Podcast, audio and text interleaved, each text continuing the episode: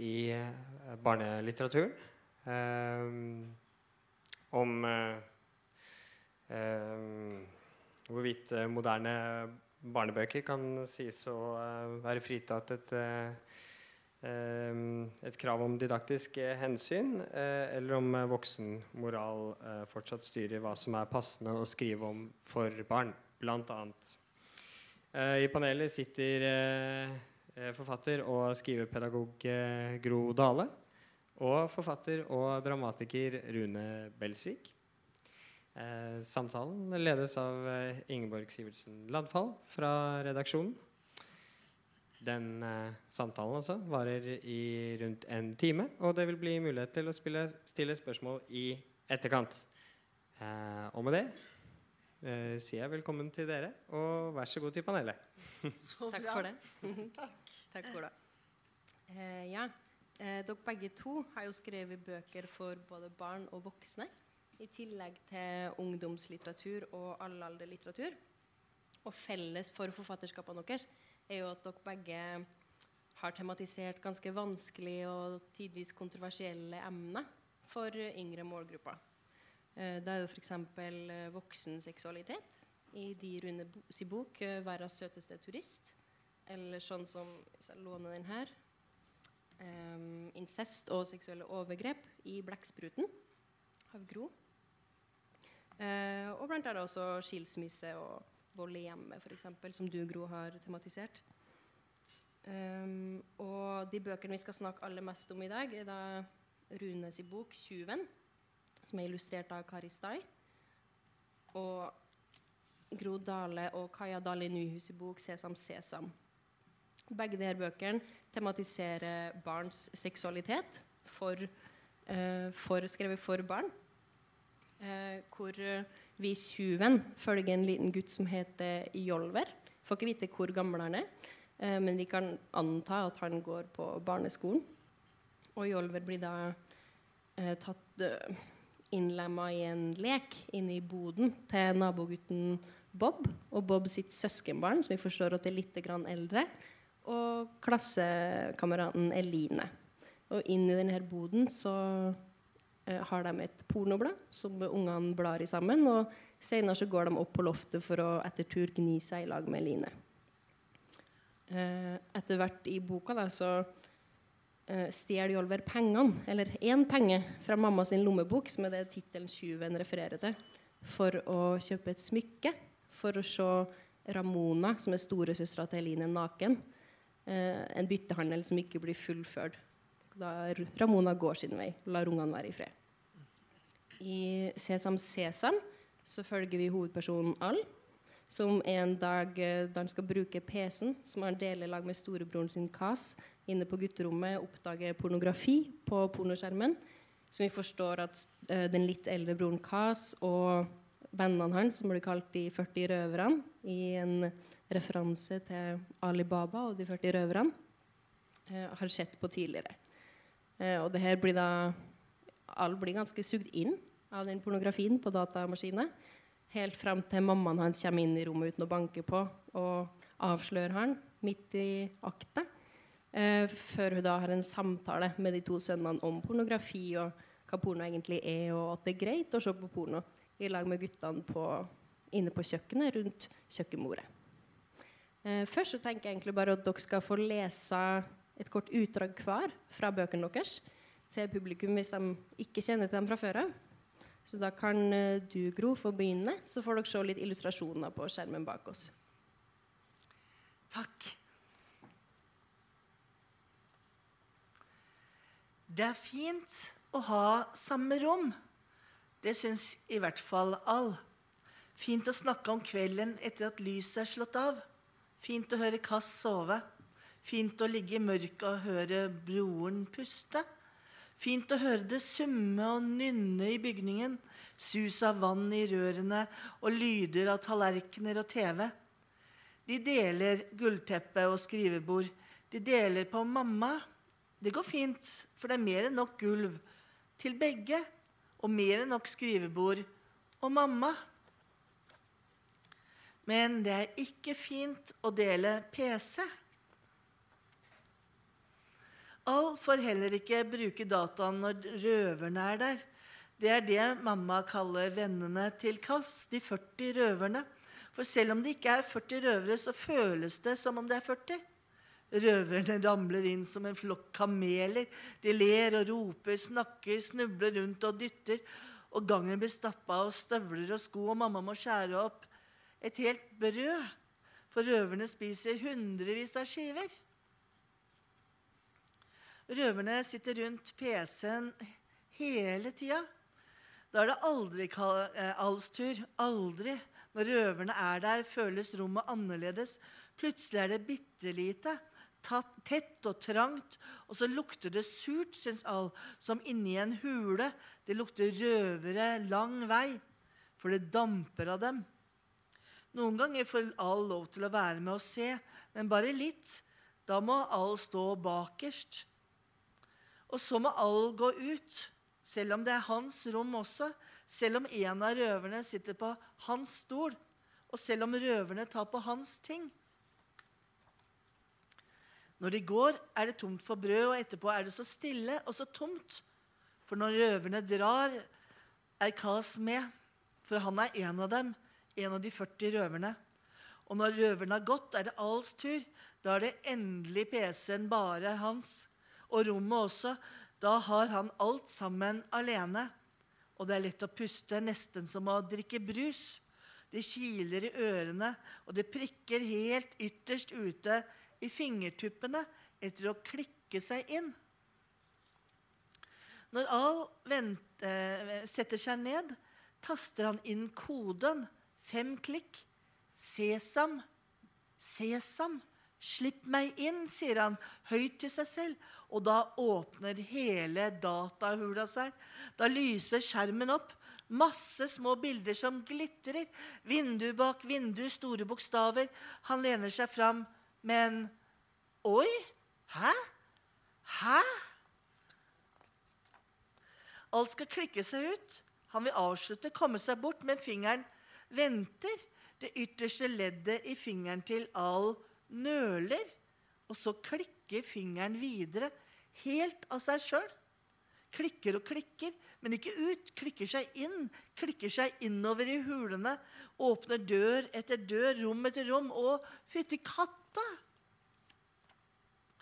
Først er det litt ekkelt, for det er ekkelt og rart. Små pupper og store pupper, gigantiske pupper, rumpe, rumpehull, kjempesvære, kjempelange, kjempestive tisser. At noen vil se på noe sånt. All blir helt svett i hendene og må svelge mange ganger. Det er pusting og hvisking og rop. Det stemmer og stønning og klynking. Som om det gjør vondt, og som om det gjør godt. Som om all ikke burde se og høre det. Som om det skulle vært hemmelig. All skal klikke vekk, alt sammen. Bare avslutte med fingeren hans gjør ikke det. Han blir værende, for noe holder han igjen. For det er ikke bare ekkelt heller. Han kjenner det i kroppen også. Kjenner det, kjenner det.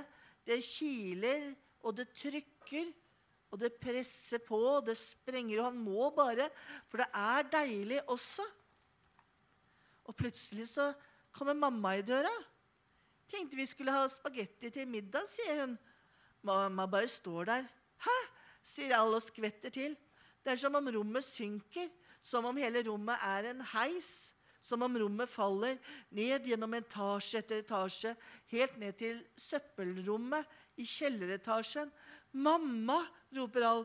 'Du kan ikke bare komme rett inn', brøler Al. 'Du må banke på.' Det er nesten som å høre Kas si det. For akkurat sånn ville Kas sagt det.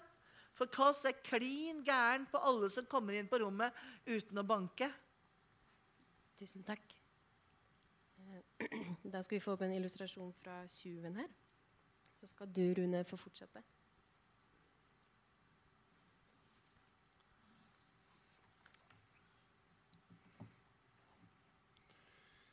Søskenbarnet legger bladet på benken under vinduet. Det står oljekanner og bokser med spiker og skruer der. Verktøy og skitne filler ligger strødd utover. Det er et blad med bilde av nakne damer. damer som rett og slett er nakne. De har ikke på seg sokker engang. Ikke underbukser heller. Og selv om de er nakne, ser de ikke sinte ut.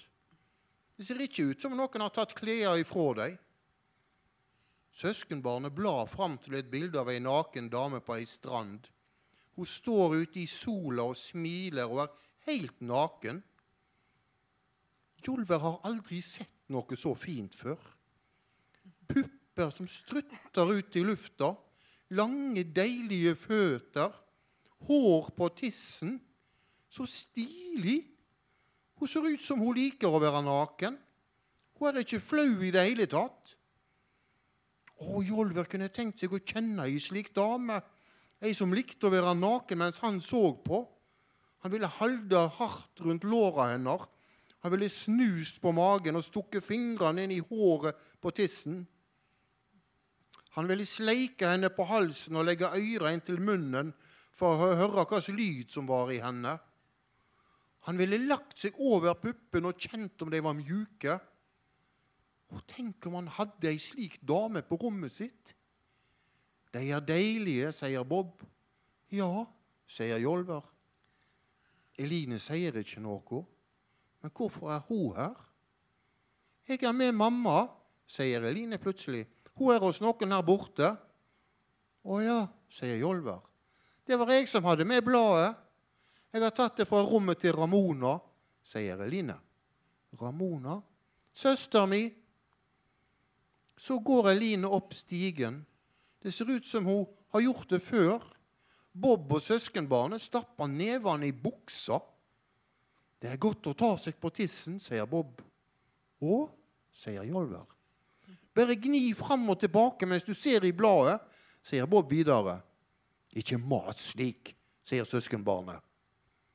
Søskenbarnet har en neve i buksa.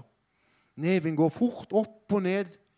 Den andre neven bruker han til å bla i bladet. Det kommer et bilde av ei dame som ligger på rygg. Hun har føttene ut til sidene. Hun holdt fingrene slik at det går an å se åpninga i tissen. Er det slik dametissen er? spør Jolver. Du ser jo det, sier Bob. Jeg trodde åpninga var framme og ikke under, sier Jolver. Har du aldri sett nakne damer før? sier Bob. En gang har Jolver sett ei naken dame. Det var farmor. Jolver kom inn på kjøkkenet for å gi henne ei avis, og der sto hun. 'Jolver!' hylte hun. 'Ut med deg!' Jolver hadde aldri sett farmor sint før. Hun hadde en vaskeklut i neven, og så var hun naken. Jolver huksa bare de store, ruglete låra og vaskekluten. Han huksa hvor sint hun blei, at hun liksom ikke passa til å være uten klær. Hun dytta han ut. 'Har du ikke lært deg å banke på døra?' ropte hun. Eline har gått opp i mørket. Hva er det hun gjør der? Er hun lei av å se på nakne damer? Kan jeg komme opp? spør søskenbarnet. Ja, sier Eline. Jolver syns det er rart at søskenbarnet spør om lov til å komme opp i sin egen bu. Det er han som bestemmer der. Hva er det de skal? spør Jolver. De skal gni seg, sier Bob. Kan vi se i bladet imens? spør Jolver. Ja, vi kan det, sier Bob. Skal det gni seg? Ja. Hva er det? Gni seg, vel? Du kan også om du vil. Jolver, håp, Jolver håper de skal ha noe godt til middag. Da vil dette være en veldig fin dag. Mange fine ting på en gang. Nakne damer og god middag. Det hender av og til at det er flere fine ting etter hverandre på én dag. Men det er helst på bursdagen eller julaften. Takk skal du ha. Eh, Det var jo ofte en sånn forestilling i Skandinavia, og i Norge for så vidt, om at barnelitteraturen her er ganske fri for tabuer. At det er greit å snakke med barn om alt. Men det her er kanskje en ting som ikke er så enkel å snakke om. Noe som mottagelse av de her to bøkene også delvis har vist. Eh, du, Gro, fikk jo ganske mye hatmeldinger i forkant av eh, boka, før den kom ut. Sjøl om det her da den først ble utgitt i fjor sommer, eh, da roa den seg litt, som du sa.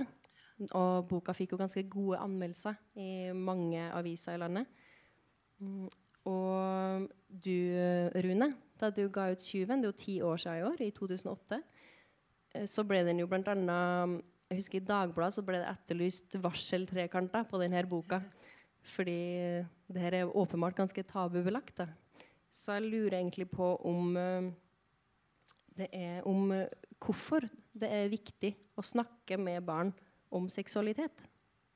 Hvorfor er det viktig å skrive de her bøkene? Vær så god, Rune. Ja, altså eh, For min del så er det viktig for det barnet som jeg sjøl har vært, og for det barnet som jeg går og bærer på fremdeles. Og sånn litt før jeg fylte 50 år, en dag, så plutselig dukka det opp et minne i hodet mitt, og så tenkte jeg at ja, men vi gjorde jo ikke noe galt. Og da var det et eller annet som jeg på en måte hadde pressa langt bak i et hjørne, og et, et, minne som ja, jeg hadde holdt så langt unna som mulig, antageligvis. Og det jeg kom til å tenke på, var nettopp dette her, at vi var unger. Vi, vi gikk på barneskolen, kanskje var jeg en åtte-ni år eller sånn. Og så hadde jeg sett dette, disse pornobladene og syntes det var så fantastisk å se disse nakne damene. Og, og det var ei jente der, og vi hadde gnidd oss sammen og denne tanken på at eh, altså, dette var holdt så langt vekke fra meg at dette var et eller annet som For det, det er noe sånn hemmeligholdelse rundt dette. her, og Jeg hadde holdt dette hemmelig for meg sjøl. Dette er jo et veldig viktig materiale å prøve for meg sjøl å nærme meg. da. Så jeg tenkte, går det an egentlig å prøve å fortelle om disse hendelsene på en sånn måte at det kan være sann mot den gutten jeg var, og uten, og, uten å liksom ja, Går det an å snakke om, skrive om dette på en sann måte? Var ut, utfordringen min, da. Ja. Og, og jeg, jeg har jo jeg vokst opp i en annen tid. Altså Jeg og Rune vi er jo litt fra en annen tid, kan man kanskje si. Eh, og da var det ikke Internett. Og da var det ikke eh, et tastetrykk unna og, og, med porno og porno inn på mailprogrammet og porno som dukker opp hopper opp og på en eller annen måte eh, er der og en del av barnekulturen. Det var jeg veldig naiv i forhold til. Og da jeg jobba med 'Blekkspruten', altså boka om incest, som da har fokus på unge overgripere, for at unge overgripere det er eh, den store utfordringen i forhold til incestspørsmål.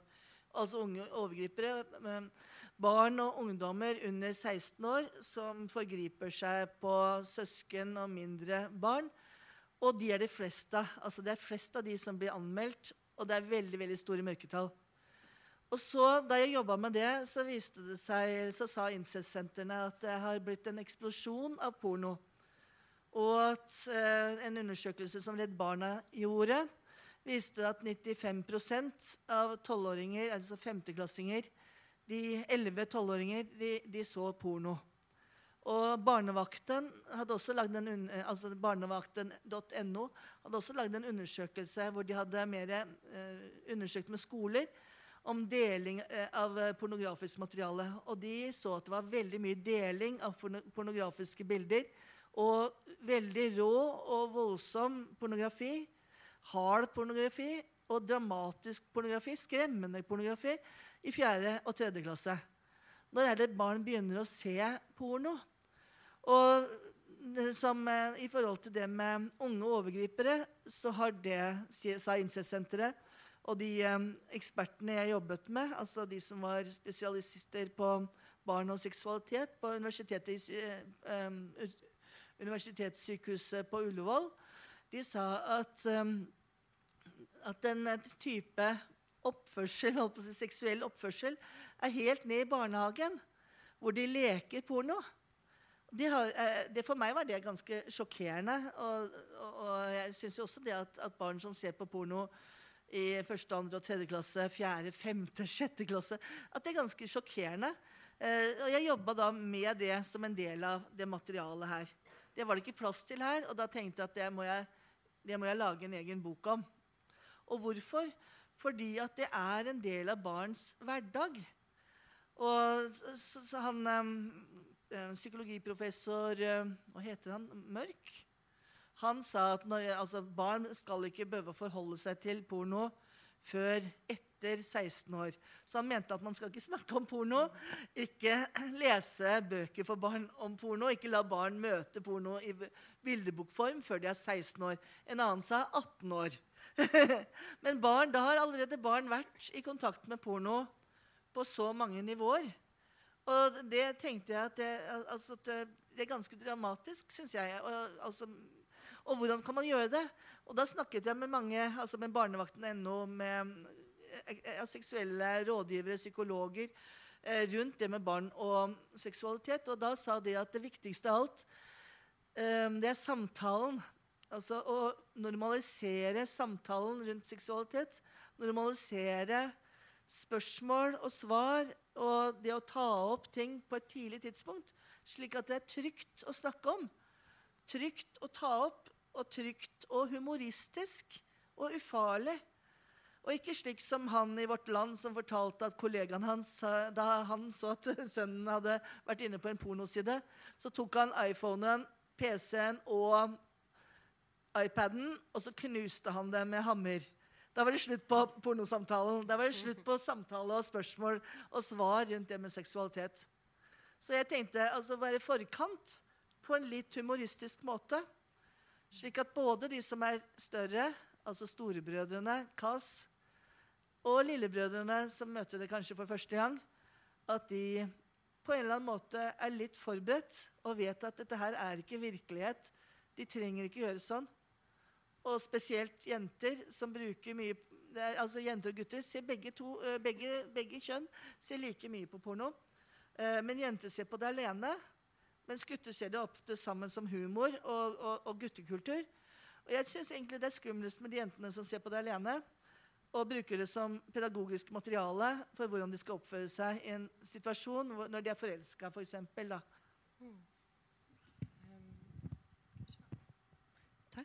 Ehm, så det er jo en måte da å ikke overlate barna til å være alene med de her tingene, egentlig. Uh, for jeg syns du har et veldig fint sitat som jeg tror jeg henta fra NRK, uh, om at du vil at denne boka, 'Sesam Sesam', skal være um, en venn som forteller deg at du ikke er alene om å ha sett porno, og at du ikke trenger å skamme deg eller å føle deg mindre verdt.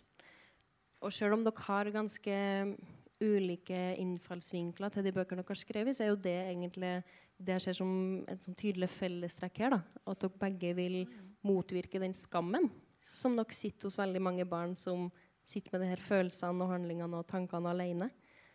Uh, for jeg leste dere jo begge to som uh, Det er en veldig positiv seksualitet, egentlig, det dere skildrer. Uh, men dere har valgt ganske ulike løsninger. Og da tenker jeg på spesielt tilstedeværelse av voksne i de her fortellingene. Hvor um, i Sesam Sesam så kommer jo mammaen inn og tar med kas til kjøkkenbordet og snakker med dem om porno. Om hva porno er for noen ting, og at det her er greit. da.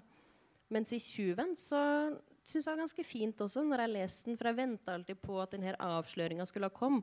Og at Oliver skulle bli avslørt av mamma og pappa som finner ut hva han har gjort i denne bua. Men den avsløringa kommer aldri. For de får aldri vite hvorfor. De finner jo ut at han har stjålet pengene fra mamma. Men eh, de slår seg ganske til ro med at han har brukt opp de hundrelappen eller hva det er, på godteri. Og de får ikke vite at han egentlig har kjøpt et smykke for å se på Ramona. Og de får ikke vite hva som foregår i boden og senere også i skogen mellom de her barna. Eh, og jeg lurer litt på hvorfor, hvorfor dere har valgt å løse det sånn som dere har gjort, med den voksne tilstedeværelse. Kanskje du, Rune, vil begynne? Ja, altså jeg, i, I mitt minne da fra disse hendelsene så var noe veldig sentralt at dette Jeg forsto på en eller annen måte automatisk at dette var hemmelig. Og eh, vi måtte ikke snakke for høyt og så videre, og vi måtte passe oss før foreldrene nærma seg eller kom hjem og sånn. Eh, så jeg, jeg tenkte at eh, mm, det som var viktig, det, kanskje det sentrale for meg, var å være oppriktig i forhold til sånn som jeg hadde mitt minne med meg da, som nesten 50 år gammel mann. Sånn som jeg husker da. Og ikke på en måte uh, har noe sånn uh, moralsk uh, men slipper på en måte historien litt løs. Så som du sa, så er det jo helt, en helt annen ting han da, som gjør at det heter tjuven, da, som han stjeler disse pengene. Og det blir jo oppdaga, da. Men som sagt ikke hvorfor. Og det er kanskje en av de første gangene han kjenner at det er litt enkelt for han å lyge. Også. For dette kan liksom ikke foreldrene få vite om. Og så er det jo også, vel, For min del så tenkte jeg altså, eh, denne boka 'Sesam Sesam' handler egentlig Det er, det er pornosamtalen som er mitt, mitt tema, eller mitt fokus.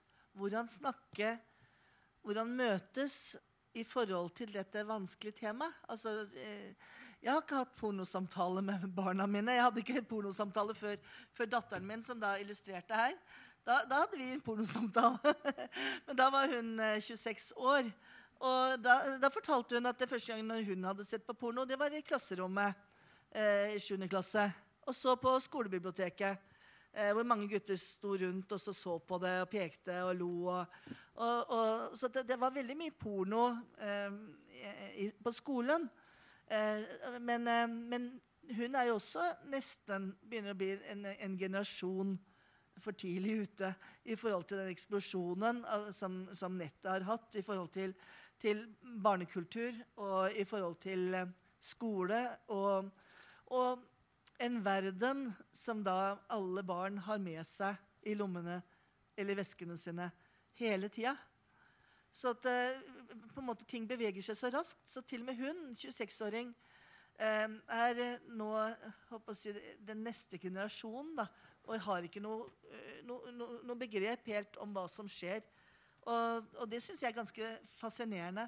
Og jeg tenker at Hvordan skal vi møte dette her? Den strømmen av porno. Hvordan i all verden skal vi møte det? Vi, vi kan kanskje ikke klare å demme opp for det. Altså, sånn som I Kina så har de jo sensur. Det er ikke sikkert vi skal ha sensur, men kanskje det å ha bevissthet rundt det. Altså ved å snakke om det. F.eks. da at det ikke er for barn, og at det er for voksne. Og at kanskje det er at man skal altså ha visse eh, holdepunkter i forhold til nett. Porno er ikke det eneste farlige eller det eneste uheldige å snuble over på nettet. Det er jo halshogginger og veldig vold, ikke minst. Så det er mye rart som foregår i disse hulene som, eh, som barn oppsøker, da, og ganske, på et ganske tidlig tidspunkt. Takk. Uh, for den skammen som vi snakker om, da, er jo for så vidt til stede hos både Al og Kaz når de først blir avslørt av mammaen, som det også er hos Jolver i den forståelsen for at det her er noe voksne ikke egentlig syns er greit at barna holder på med. Og, og, det er også et ganske fint sitat i, i 'Tjuven'. Det var jo sånn som du leste I det utdraget du leste i stad, Gro, så er det jo ganske Vi skjønner jo ganske fort at sjøl om alle ikke har sett på porno før, så forstår han at det her er noe mammaen ikke kommer til å like. Um, og i 'Tjuven' så er det en episode hvor uh, Jolver da, ganske var for stemninga rundt middagsbordet. Hvor uh, han er litt redd for at mamma og pappa er sinte på han. Uh, og da skriver du, Rune, at kanskje de har krangla. Eller kanskje er det like før de skal begynne å krangle. Eller vet de at Jolver har vært i bua og sett på nakne damer? Og så er det kanskje veldig forbudt. Så den eh, forståelsen hos barn om at det her er noe voksne ikke syns er greit, er kanskje gjennomgående i denne tematikken. Fordi barn syns kanskje ikke det her er så veldig vanskelig å snakke om. Men det er vi voksne som har problemene. Um, hvorfor tror dere voksne syns det er så vanskelig å skulle snakke med barn om det her?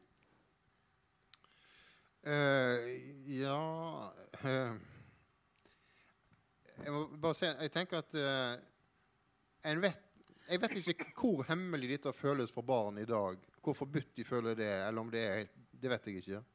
Men jeg tenkte at mitt tilbud var å prøve å bidra med noen setninger og fortellinger der det går an å skjønne at dette fins i verden fra før. For det er en sånn ensomhet i dette her, at dette er så hemmelig, og at det er så farlig. Og for meg så tenker jeg at veien ut av det, for min del, var det da å prøve å lage en fortelling og si at ja vel, sånn, eh, sånn har jeg opplevd, og sånn så det ut. Sånn var det. Ut fra disse undersøkelsene så eh, kommer det fram at eh, jenter tar dette her på mye større alvor enn gutter. Og at det er da en del av guttehumor og, og lek. Eh, og litt sånn dare. Altså å utfordre hverandre. Tør du å se på den? Eh, altså, her skal du se et enda verre bilde. Altså det å leke med det verste og utfordre hverandre på den måten. Hvor det er den leken og humoren eh, hos guttene, mens jentene der er den veldig ensomheten hvor de sitter aleine. Og jeg tenker, eh, tenker at den eh, hvis man, ikke, hvis man, ikke, vet noen ting om det, og, og, så sitter man der Jeg tror også jenter da også tar det, er mye reddere for det. Ikke sånn i forhold til at det er skummelt, eller at de blir skadet nødvendigvis av å se porno, men, men redde for eh, hva voksne vil si.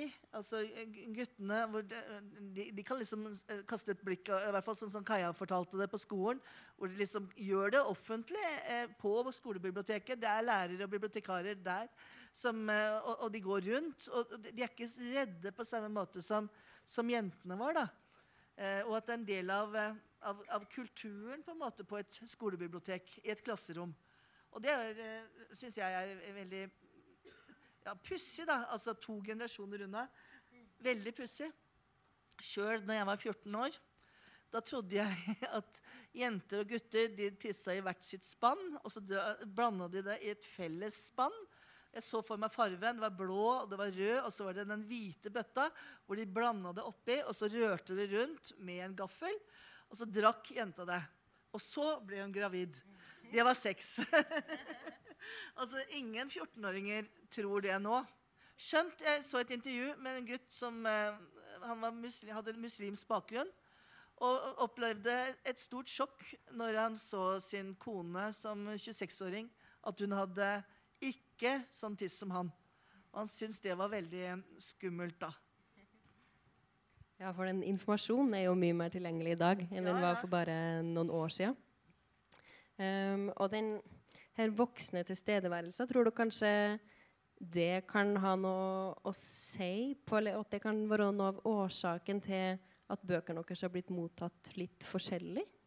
Selv om det har det gått nesten et tiår imellom dem, men kan, det kanskje ha, kan den forskjellen også ha noe å gjøre med at det er en veldig tydelig voksen moral da, i Sesam Sesam, i de bok, som uh, uteblir i Tjuven? Altså det, kanskje Den verste tilbakemeldingen jeg fikk, var sånn, altså bare sånn uh, blogggreie der jeg ble kalt for en pedofil. Fordi jeg er en voksen mann og skriver om barn som har uh, erotiske følelser. ikke sant? Så det er et, en eller annen sånn kobling der som virker som er veldig farlig. Og det var jo veldig ubehagelig, selvfølgelig. Og jeg ble litt forskrekka over egentlig eh, mottakelsen i Dagbladet. ikke sant? Og så eh, eh, Ja, nå datt det noen setninger ut av hodet mitt. Jo, og, og, jeg ble også kalt pedofil, og det var veldig veldig ubehagelig, syns jeg. jeg synes, eh, og det som har vært mest interessant, det var at de fokuserte på den farlige samtalen som den store, stygge ulven, og ikke på pornografi. Og ikke på det problemstillingen med at det er overalt i barnekulturen. Men at denne samtalen da skulle være så farlig. Men de, de, de syntes var verst, eh, bloggere eh, og, og nettroll syntes var verst, det var at eh, moren sier at eh, det er mange som ser på pornografi. Og at, eh, at, eh, at Jeg vet ikke om hun skriver, sier at det er helt greit, men at du på en eller annen måte ikke fordømmer det. da. Det var det verste. Så jeg må innrømme at jeg i den svenske, ut, uh, i den svenske oversettelsen så strøyk jeg den setningen. for jeg, jeg syns den avsporer i forhold til tematikken. Uh, for tematikken er ikke um, det, er ikke, det, det, er, er, det, er, på en måte å gjøre en trygg samtale.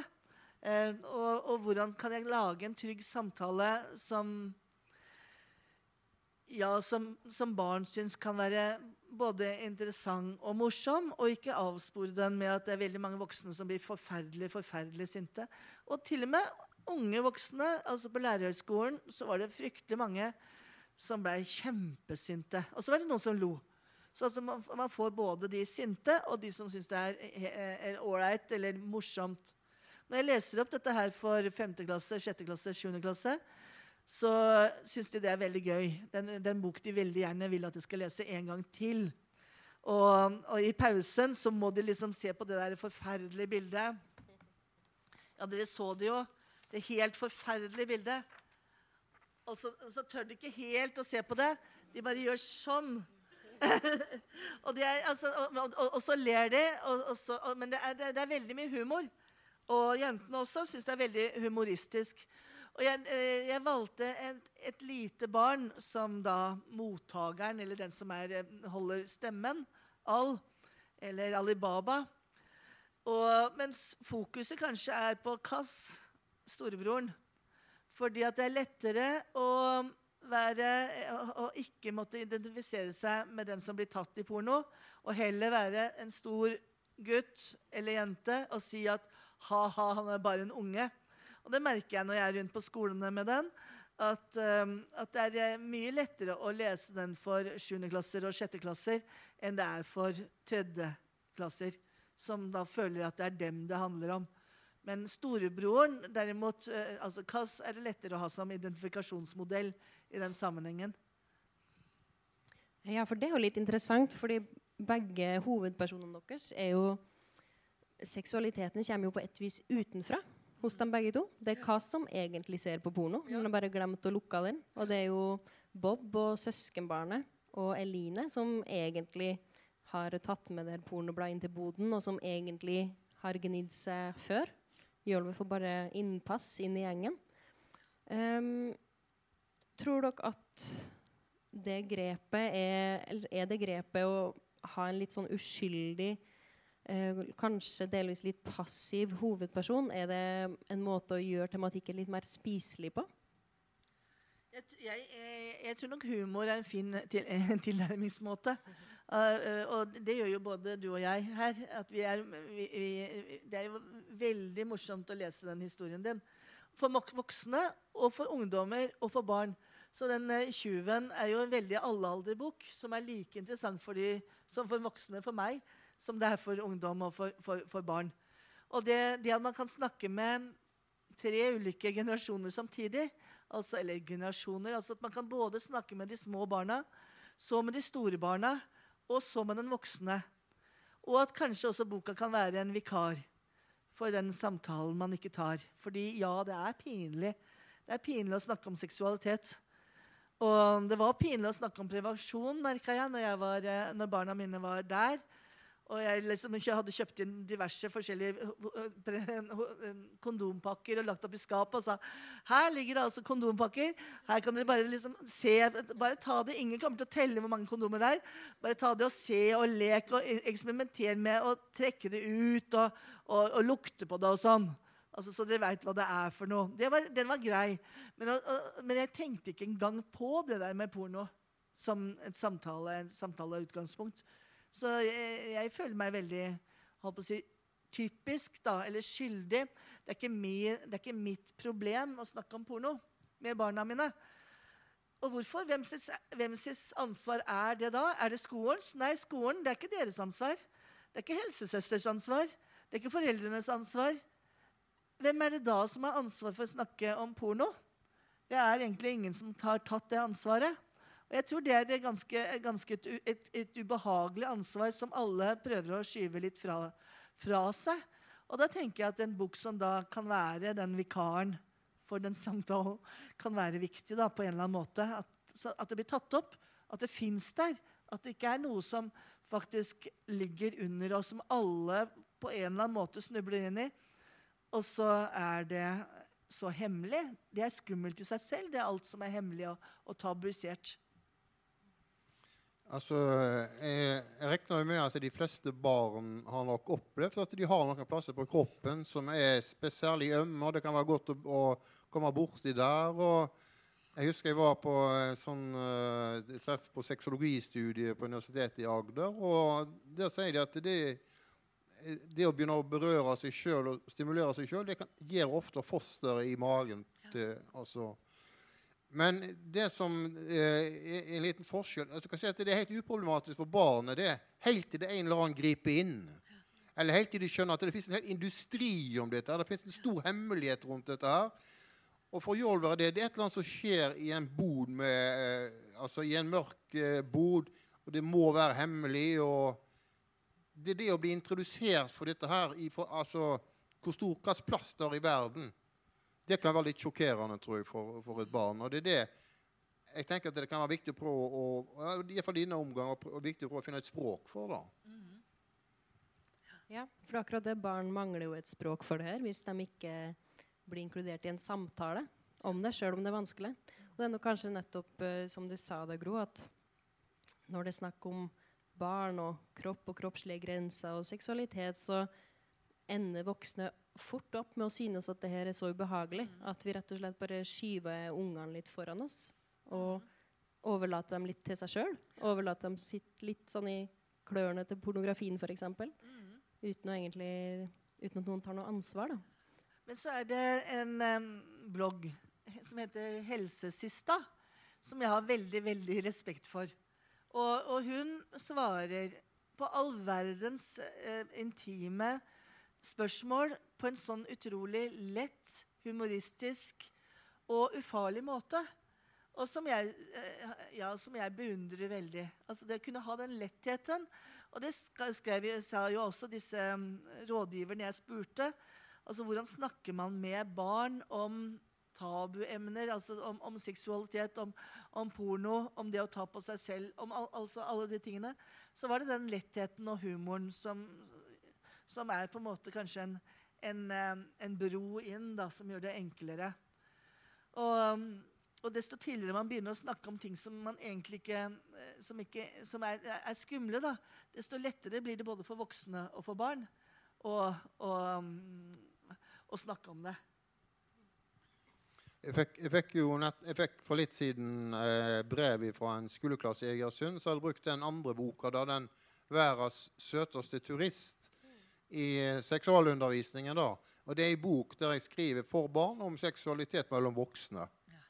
Og ja, det var, det, var, det var, kanskje litt drøyt, men det var spennende. Ja, Det er jo for så vidt en veldig fin bok. Hvor vi følger den lille kommunen Bløygen, sine elleve innbyggere, tror jeg kanskje det som en sommer um, har så veldig mange turister som kommer til kommunen sin og kjøper veldig mange gaver i julepyntbutikken og diverse. Og da oppdager de at de kan jo kanskje lage sine egne turister. Når de finner um, ja, Det er en av dem som finner ei bok hvor det står beskrevet da, hvordan man kan lage bitte små turister. Eller barn. ja. Og Noe av det som jeg syns er viktig å uh, fortelle i den boka, eller finne språk for der, da, er at uh, Seksualitet kan være veldig fint og godt hvis det er en god, åpen samtale mellom de som er sammen. Og det er frivillig og det er fint. Det kan også, men òg at det kan være vanskelig, det kan være sjenert, og noen syns rett og slett det er ekkelt. Og det kan være slik at den ene vil velge, og den andre vil ikke. Og at det går an å si nei. og ja. Mm. Men den, den, mest ubehagelige eh, kontakten jeg fikk eh, i forhold til eh, den Sesam Sesam i forkant, det var en som eh, ringte meg og først var veldig veldig positiv. Og jeg tenkte ja, det er så hyggelig da, etter alle disse hatmeldene. Plutselig noen som støtter dette prosjektet. Men så begynte han å snakke om at ja, han syntes det var så fint hvis voksne og barn kunne sitte og se på porno sammen. Og da plutselig, det er, ikke, da er det så totalt misforstått, for det er ikke det som er poenget. At man skal sitte, seg, sitte og, og, ha dette sammen. Um, og det, det jeg tenker at det der også er noe av det som gjør at det blir så ubehagelig. Uh, for skal man snakke om det, så plutselig så involverer man sin egen seksualitet. Og det føles både forbudt og, og fremmed og ekkelt i forhold til barn. Uh, og for Hvordan snakker man om det med, med, porno? Og at kanskje Si at det er en far som skal snakke med en sønn, og som kanskje liker porno selv. Altså, Hvordan, hvordan, hvordan møter man det? Uh, og, og, og, jeg tenker at det, det, pinlige eller det ubehagelige blir jo at, at, at vi er ikke helt Eller det er ikke alle som, som er helt fri i forhold til, eller som, som ser det utenifra. da. Og plutselig så blir det avslørende eller ubehagelig. Um, kanskje. Ja. Det er kanskje derfor det her er så veldig ubehagelig for mange voksne. Fordi det føles som om det er noen grenser som blir kryssa. Ja. Men uh, det gjør dere jo begge to i bøkene deres, at dere klarer å holde Klarer å respektere da, barneseksualiteten, hvis vi skal kalle det for det, som noe annet enn den seksualiteten som voksne og som ungdom har. Eh, og det handler kanskje egentlig om å respektere eller anerkjenne barn som individer, egentlig. Som er forskjellige, selvfølgelig. Um, fordi det um, har dere begge to i de bøkene. Og det som, også en del av det som gjør dem veldig interessante, det er barneperspektivet da, på seksualiteten. Uten at seksualiteten blir underliggjort eller tilskrevet i voksenlivet. Men at den får bli skildra i barnet sitt blikk. Har det, vært, um, det, har det vært vanskelig å holde på det barneperspektivet når vi snakker om emner som ofte blir oppfatta som voksent? Ja, jeg, altså jeg syns det, det, var vanskelig. Jeg følte at jeg måtte liste meg fram. Og det var et eller annet med å kjenne at jeg følte dette er oppriktig. For det når man snakker om seksualitet altså Det fins masse vitser om det. Det er, liksom, det er litt artig å være morsom om dette her. Og man kan tøffe seg litt. Grann. Og særlig det å være oppriktig for sånn som jeg sjøl har erfart dette her. da, og, og ja, jeg syns det var vanskelig. Det, ja. Og, og jeg, jeg syns det er også kjempevanskelig, og jeg måtte da ha hjelp av eksperter. Eh, hva sier barn om porno? Hva er deres opplevelse av porno? Hvordan, hvordan reagerer de? Er det positivt? Er det negativt? Blir de redde? Blir de skremt? Syns de det er ekkelt? Um, altså, Hva gjør det med dem? Uh, og det, det, var jo på en måte en slags hva skal man si, ikke akkurat forskning, da, men å samle en god del sitater om hva barn selv sier. I og med at jeg er så jeg, altså jeg med, med den troa på at hvordan det er spanna og, og sånt noe. Altså jeg hadde ikke egentlig noe egen erfaring, da. Sånn som, eh, sånn som du hadde. jeg var veldig veldig hjelpeløs i forhold til det å skrive om et tema som egentlig jeg ikke hadde no, egentlig noe tilgang til i forhold til egne minner. Og, og, som jeg ikke hadde noe tilgang til i forhold til hva barna mine sa, i og med at vi ikke om det. Eh, så da måtte jeg da få hjelp da, av eksperter som hadde snakka med barn. Samle sitater om hvordan de opplevde det. Um, og jeg tenker at uh, for meg handla det om da å forsøke å finne en balanse mellom det humoristiske og det trygge. Uh, hvor trygg kan man gjøre en mor i en sånn sammenheng? Hva, og da var det også psykologene som da hjalp meg, de som da jobbet altså på barnevakten.no, de som jobbet med seksualundervisning i forhold til barn, de som jobbet med eh, forskning på Universitetssykehuset på Ullevål, eh, hvordan de snakket med, eller den samtalen de valgte eh, i forhold til barna. Det er jo en samtale ikke jeg har hatt eller tatt, men som jeg da har brukt deres framgangsmåte i forhold til. Så jeg lener meg veldig tungt på eksperter, egentlig. Uh, uten, fordi jeg ikke har den bakgrunnen jeg trenger egentlig sjøl for å kunne skrive om det. Men, men, men det min bakgrunn det er ønsket om å finne trygge ord. Eller ønsket om å finne farlige ord og gjøre dem trygge. Det er egentlig mitt prosjekt. Eh, uansett om det handler om vold i hjemmet eller psykisk syke pårørende, eller, eller uh, det handler om uh, om eh, omsorgssvikt, eller i denne sammenhengen porno, da. Uh, for her er vi kanskje litt inn på det som er det paradoksale ved barnelitteraturen. Ja. Hvor vi har bøker som skal skrives og publiseres og kjøpes og selges og anmeldes av voksne, mens de er skrevet for barn. Um, kanskje er det ikke mulig egentlig å unnslippe den voksne kontrollen som fins heller ikke i barnelitteraturen. For jeg syns det er interessant at i begge bøkene deres så både All og Kas blir jo, de rødmer jo når de snakker med mammaen og kikker ned i bordflata. Eh, og på slutten så søker jo All heller mot Kas inne på soverommet før de skal sovne. Så er det broren, det andre barnet i fortellinga, som han går til for å finne svar på spørsmålene sine.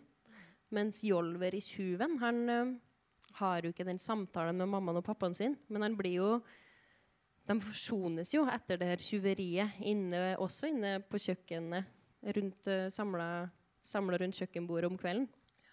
Og da blir Jolver plutselig veldig obs på at han er skitten på hendene. Og at han vil prøve å skjule fra mammaen og pappaen sin de her skitne hendene. Som kanskje kan forstås da, som en, en metafor da, på den skitne seksualiteten som han kanskje opplever den som. At den skammen blir vedvarende. Ja, for jeg tror nok han er usikker på om at det, har jeg gjort en forbrytelse, eller var det greit. Og For min del så tok det altså nærmere 40 år før jeg sjøl fant ut for min del at uh, det var ikke galt, det vi gjorde. også. Nei. Nei, og jeg tror nok at vi lærer oss skam veldig altså Til og med i vårt samfunn hvor egentlig alt er, alt er tilgjengelig på Internett, så har vi lært oss skam her også. Og, og, skam som går på veldig mange ting. Det er også skam på det å ikke vite om at de andre guttene vet hva dette er, og det vet ikke dette ene barnet. Og det å være latterlig i, i møte med de andre guttene. Så det, det, er både skam i å ikke vite, og skam i å vite, og skam i å bli oppdaga, og skam i å ha disse følelsene. Og skam det er noe som kryper inn sidelengs, som det ikke er så lett å vite hvordan man skal unngå, eller hva man skal gjøre med. Annet enn å snakke om det på en eller annen måte. Ta det opp og si at det er vanlig, og at det ikke er farlig på en eller annen måte. Ufarliggjør det. Altså samtalen som da ufarliggjør eh, ordene rundt det, og, og, og, at man ikke er unormal på en eller annen måte. Um, og så lurer jeg på litt sånn helt til slutt, for jeg har snakka litt om jentene i det her. Uh, og jentene sin rolle i både seksualiteten og, og i pornoen. Fordi Sesam Sesam så sier jo mammaen at det er uh, at det er mange som ser på porno. Og både gutter og jenter gjør det. Uh, men blant alle og Kas og de 40 røverne så er det jo ingen jenter som ser på porno. Nei. Og Eline sin rolle i 'Tjuven' Hun er jo ikke hovedperson.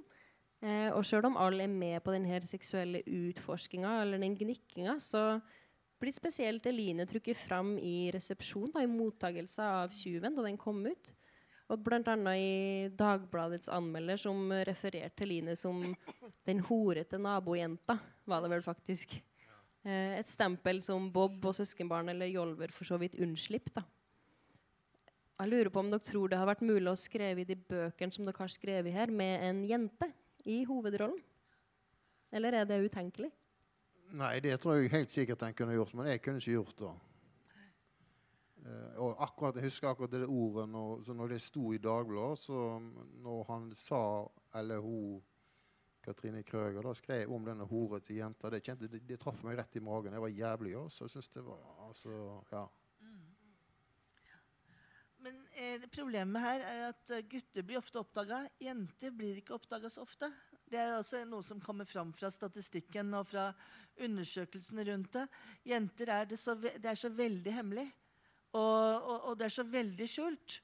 Og det er så veldig aleine på rommet. Mm. Så jentene er ekstra aleine om det, rett og slett? Ja, jeg tror det. Mm. Men det hadde gått an å skrive noe om. Ja, ikke sant? ja. Kanskje en ny bok som kommer der. Jeg tror vi begynner å gå litt tom for tid. Ja. Um, hvis det er noen spørsmål fra salen, så kan vi godt ta imot dem nå. Ja. ja. Vil du komme opp? Ja. ja. Ja.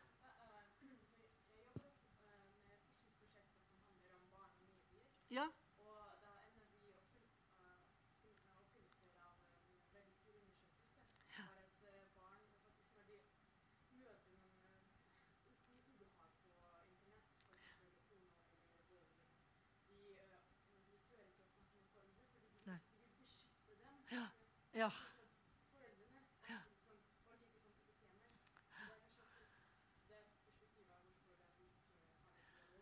Ja, det er et kjempegodt poeng at barn vil beskytte foreldrene. Både fra det forferdelige de ser på Internett, men også beskytte dem fra utryggheten de har. Det er jo snakk om også i forhold til mobbing at barn vil beskytte foreldrene ved å ikke fortelle om mobbesituasjoner. Så det er, det er et kjempefint poeng. Og interessant.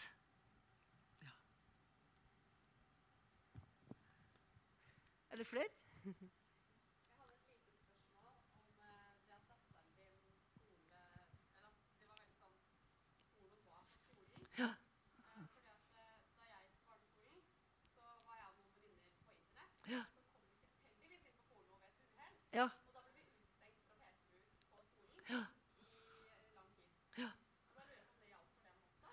Nei, jeg tror det er veldig forskjell fra skole til skole hvor sløve lærere og bibliotekarer er, faktisk. Eh, helt, jeg har vært på fryktelig mange skoler, og det er helt ekstremt forskjeller på, fra skole til skole. Ikke bare på det, men på alle mulige slags ting. Og det er flaks, uflaks. Det er skjebne. Hvis man kan snakke om skjebne, hvilken skole man havner på, hvilken lærer man får. Et spørsmål bak der?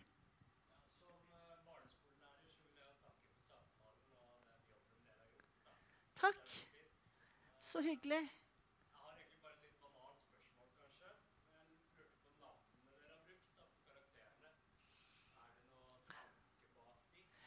Ja. Alibaba og Kasim de er jo brødre i 1001 natt i eventyret Alibaba og de 40 røverne. Jeg, men det som var litt dumt der, da, det var jo at Al og Kas plutselig ble litt sånn fremmedspråklige. Og det, det, det var ikke egentlig meninga. det, en, det, ble på en måte en, en feil jeg oppdaga for seint. Eh, og da, for, for, falt, da måtte jeg velge. Skal jeg bare slippe hele det Alibaba og 40 røverne og hulene og internettet som liksom sånne skattekammer som lar liksom hule på hule, nedover og innover der. Da, da måtte jeg kutta ut hele det. Og det skulle jeg kanskje gjort. Men det er et veldig godt poeng. Ja. Ja, jeg synes en del av det å, å dikte en av, en av de gode dagene er når jeg skal liksom prøve å finne på et navn. da. Så jeg trodde liksom jeg hadde funnet på et helt eget navn. Men jeg skjønte etterpå at det er nokså vanlig navn på spansk. ja.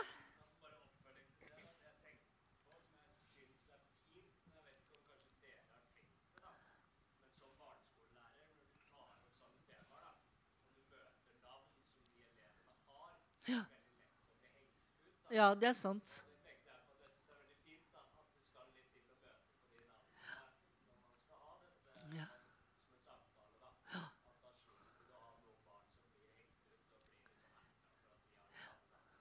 Ja. Og, og jeg hadde jo, det prøver jeg ofte å gjøre i bildebøkene. Altså, 'Sinna mann' er, heter barnet Boy. Og, og, og Moa altså det, det er eh, navn som er sjeldne, eller som veldig få har. Men her viste det seg at det var mange flere enn jeg hadde trodd, da, pga. at det var en arabisk tradisjon. Det burde jeg ha tenkt på. For da plutselig så blir det sånn uthenging at innvandrerproblematikk så blir helt misvisende i forhold til dette her. Så det er rett og slett en feil ved boka. ja.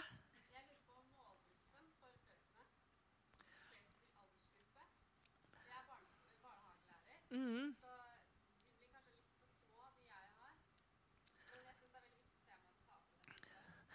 Hvis da incestsenteret har rett, eh, og barnevakten.no, at de leker porno i barnehagen ved å legge seg oppå hverandre og stønne og rope ut Det syns jeg er ganske interessant at det lekes Det tror jeg også blir sånn som barnehage fra barnehage. Det, det er ikke sikkert det er sånn i alle barnehager og alle barneskoler. Det, det tror jeg heller er sjelden. Men allikevel, hvis det er sånn, så tenker jeg at det er litt OK å få snakka om det. Men, eh, men jeg er opptatt av bildeboka eh, er alle alder. Så jeg tenker den bildeboka her er like mye for voksne. og for ungdommer, for store elever, eh, som for de små. Så det er kanskje mest historie jeg snakker til. Ja, Når det gjelder den 20, så tipper jeg at dette her var noe som skjedde i mitt liv når jeg var ca. 7-8-9 år. Har tenkt at eh, det er liksom ei bok til meg sjøl hvis det skulle bli 7-8-9 år en gang til. Så tror jeg jeg kunne trenge den boka. altså. Og jeg kunne definitivt trenge den. Men jeg kunne også trengt den når jeg skulle snakke Hvis jeg, altså hvis jeg hadde skjønt hvor mye porno det var når barna mine var da altså Nå er de 30, 28 og 25. Hvis jeg hadde skjønt hvor mye porno det var da de var ungdommer, eller eh, ja, 12-åringer, 13-åringer, 11-åringer, da kunne jeg trengt den boka for å kunne starte en samtale. For det er så vanskelig å starte en samtale. Og da kunne jeg lest ja, 'Tjuven' eller 'Sesam Sesam' eller noe annet som på, måte på et eller annet vis gjorde det mulig å begynne å snakke om det. Så kunne jeg til og med sagt at ja, men det ville ikke jeg sagt. Jeg ville ikke sagt det på den måten. Jeg ville kanskje vært mer jeg har sagt at jeg, begynt å snakke litt om kvinnens rolle. og en del sånt, men Da ville det vært et springbrett for å si noe om pornoindustri og, og sånt noe. At man, man, kan bruke bildeboka og, og fortellingsboka og romanen og hva det skulle være, eh, på sin måte. Det er det som er så fantastisk. At eh, bøker er så forskjellige for forskjellige lesere. Og det kan brukes på så utrolig mange forskjellige måter. Og at det fins barneskolelærere som er engasjerte. Og det fins virkelig, for jeg har vært mye rundt og sett noen av disse. Og sett hva som skjer i de klassene. Hvor fine klasser det blir. Hvor trygge de er. Hvor utrolig eh, lett det er å snakke for dem om alt. Så det er veldig flott at det fins barneskolelærere, barnehagelærere, vikarer, assistenter, ungdomsskolelærere også, som på en måte kan bruke bøker, og som er, eh, kan bruke samtaler for å eh, åpne opp og lage broer, trygge ord, finne ut hva som er trygt, hva som er utrygt, og hjelpe dem å forstå verden.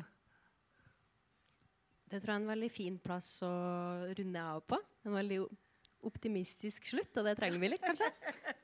vi trenger litt optimisme, kanskje. ja, ikke sant? I møte med pornoen. Vil takke alle dere som kom i kveld. Og spesielt takk. takk til Gro Dale og Rune Belsvik for at dere tok turen hit. Takk. Det var veldig hyggelig å høre på dere. Takk til deg. takk til meg. For det var du som gjorde dette her og satte alt sammen i gang? det var det faktisk. Ja, med, Den æra tar jeg på meg. Ja, så tusen takk for at du grep fatt i det.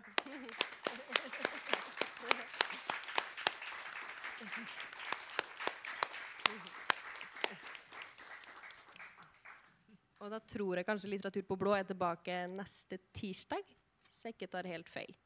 Ja. Hva er det om det? Det vet jeg ikke, men følg med på Facebook. Hurra for litteratur på blå også.